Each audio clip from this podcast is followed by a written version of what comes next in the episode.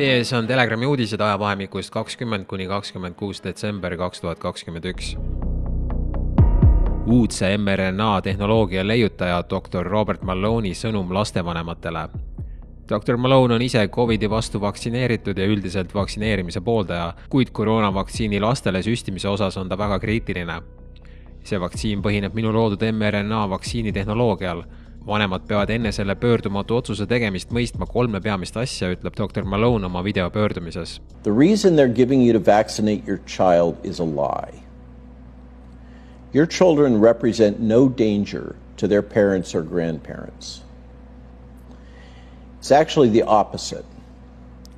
Their immunity after getting COVID is critical to save your family, if not the world, from this disease. Finally, in summary, there's no benefit for your children or your family to be vaccinating your children against the small risks of the virus, given the known health risks of the vaccine that as a parent, you and your children may have to live with for the rest of your lives. The risk benefit analysis is not even close with this vaccine for children. As a parent and grandparent, my strong recommendation to you is to resist and fight to protect your children. Möödunud nädal tõi teate mitme noore inimese vaktsineerimise järgsest surmast. Facebooki grupis koroonavaktsiinide kõrvalmõjud teatas jõululaupäeval härra A, et tema kuueteistaastane tütar suri kahekümne esimesel detsembril, kuu aega pärast esimest süsti. päev hiljem teatas mees, et kuna perekonnal on neid postitusi väga valus lugeda, paneb ta teema lukku, ent lisas kommentaariks, et arstid ei ole seost vaktsineerimisega ei kinnitanud ega ka ümber lükanud kuna peale vaktsineerimist tekkisid pöördumatud kahjustused, mis võisid tuua välja kaasuvad haigused. kahekümne teisel detsembril vahendas Delfi, et nädal varem suri vaktsineerimise järel kahekümne kolme aastane noormees. mees suri äkksurma tagajärjel üks kuu pärast teist Pfizeri vaktsiini annust lahangul tuvastati tal müokardiit, mis on mRNA vaktsiinide üks võimalikest kõrvaltoimetest. arstid väidavad aga, et südamelihase põletikku esineb koroonaviiruse põdejatel mitmeid kordi rohkem ning vaktsiini kõrvalmõjuna on haigus väga harv. Euroopa enim vaktsineeritud riigid troonivad Euroopa nakatumise edetabelit. Vaktsineerimine ei aita ära hoida laialdast viiruse levikut see ei ole vandenõuteooria, vaid fakt, mida kinnitavad ametlikud andmed. enamus kõrgelt vaktsineeritud riigid on pärast vaktsineerimist purustanud oma varasemad nakatumisrekordid ja enamus riikides oli rekordiline viiruse levik juba enne omikroni ilmumist. näiteks Gibraltar teeb üheksakümne üheksa protsendilise vaktsineerituse taseme juures juba pikemat aega nakatumise rekordeid kõrge nakatumiste ja hospitaliseerimiste tase käib käsikäes kõrge vaktsineerituse tasemega ka Norras, Soomes, Taanis ja Hollandis lõputu pandeemia. Euroopa Liit tellib BioNTechilt kahe tuhande kahekümne teiseks aastaks kuussada viiskümmend miljonit vaktsiinidoosi. BioNTechi viimane pressiteade toob aktsionäridele ootamatu jõulukingi. Euroopa Komisjon tellib Saksamaal Mainzis asuvalt ettevõttelt kahe tuhande kahekümne teiseks aastaks rohkem kui kakssada miljonit lisadoosi vaktsiini BioNTechi andmetel tarnitakse kakssada miljonit doosi lisaks juba kahe tuhande kahekümne teiseks aastaks planeeritud neljasaja viiekümne miljonile doosile varasemate lepingute alusel. palju õnne meile kõigile BioNTechi aktsionäride enneolematu rikastumise puhul! Lekkinud teave, Maailma Majandusfoorum värbab valitsustesse käsilasi suure lähtestamise jaoks.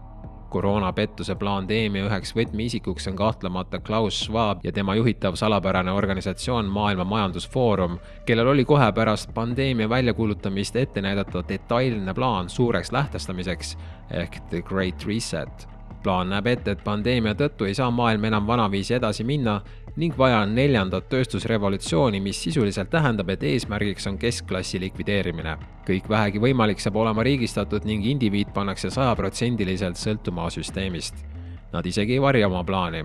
sa ei oma mitte midagi ja oled õnnelik, on Klaus Schwabi stsenaariumi iseloomustav lause värskelt lekitatud Maailma Majandusfoorumi dokumendist saab lugeda, et juba on hakatud paika panema enda tugiisikuid erinevate riikide valitsustesse.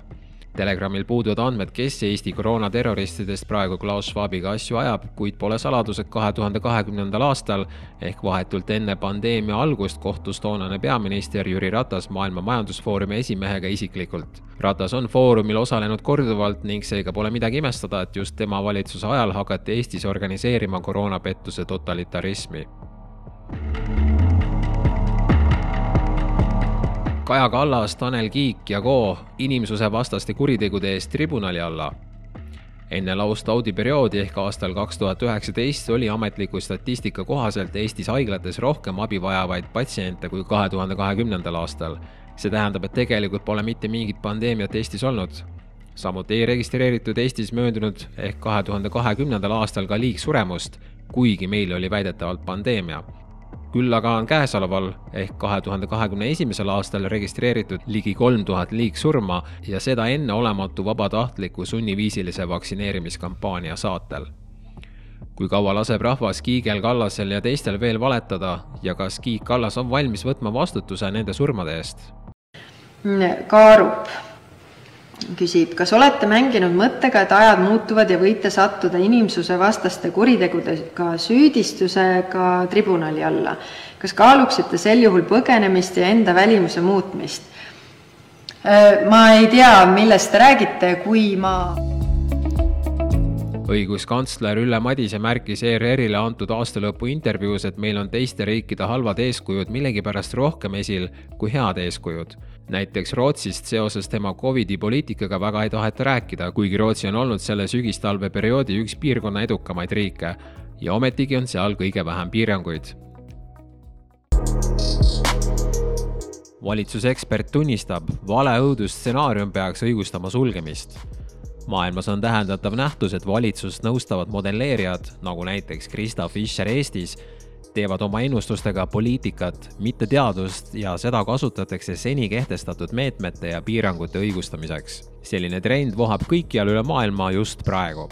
näiteks Saksamaal tehakse praegu taas paanika ja hirmupoliitikat ekspertide kolmeleheküljelise brošüüri abil, kus väidete tõestuseks pole välja toodud mitte ühtegi teaduslikku viidet ega graafikat Twitteris aga tekkis hiljuti huvitav vastasseis väljaande Spectator toimetaja Fraser Nelsoni ja Sage'i ehk sisuliselt Suurbritannia teadusnõukoja juhi Graham Medley vahel. Nelson tõi välja, et haiglaravi ja surmajuhtumid vähenevad selgelt omikron tüve perioodil, seega poleks piiranguid vaja. Graham Medley vastused on valgustavad, ta ütles. üldiselt modelleerime seda, mida meil palutakse teha ja me modelleerime stsenaariumeid, mis on otsuste jaoks kasulikud. kõlab teaduslikult? jõuludest hoolimata toimusid koroonapettuse meeleavaldused mitmel pool Euroopas. protestiti nii koroonapasside, sundvaktsineerimise ja ka väikelaste vaktsineerimise vastu Austrias on välja kuulutatud sundvaktsineerimine alates esimesest veebruarist. Saksamaal on alates kahekümne kaheksandast detsembrist lubatud kogunemised ainult kuni kümneliikmelistele vaktsineeritud inimestele. Suured avalikud sündmused saavad olema ilma pealtvaatajateta. lisakeelud rakenduvad vaktsineerimata inimestele, kes tohivad kohtuda ainult kodustes tingimustes. vastvalitud Saksamaa valitsus teatas hiljuti plaanist panna üleriigiline Covidi vaktsineerimise mandaat parlamendis hääletusele ja lõpetuseks, kes on sinu arvates aasta idiokraat kaks tuhat kakskümmend üks? Telegram kuulutab välja aasta idiokraadi edetabeli, mille koostamisel saavad kõik meie lugejad kaasa lüüa. kes on sinu hinnangul aasta suurim koroona idiokraat ehk idiokraatia elluviija?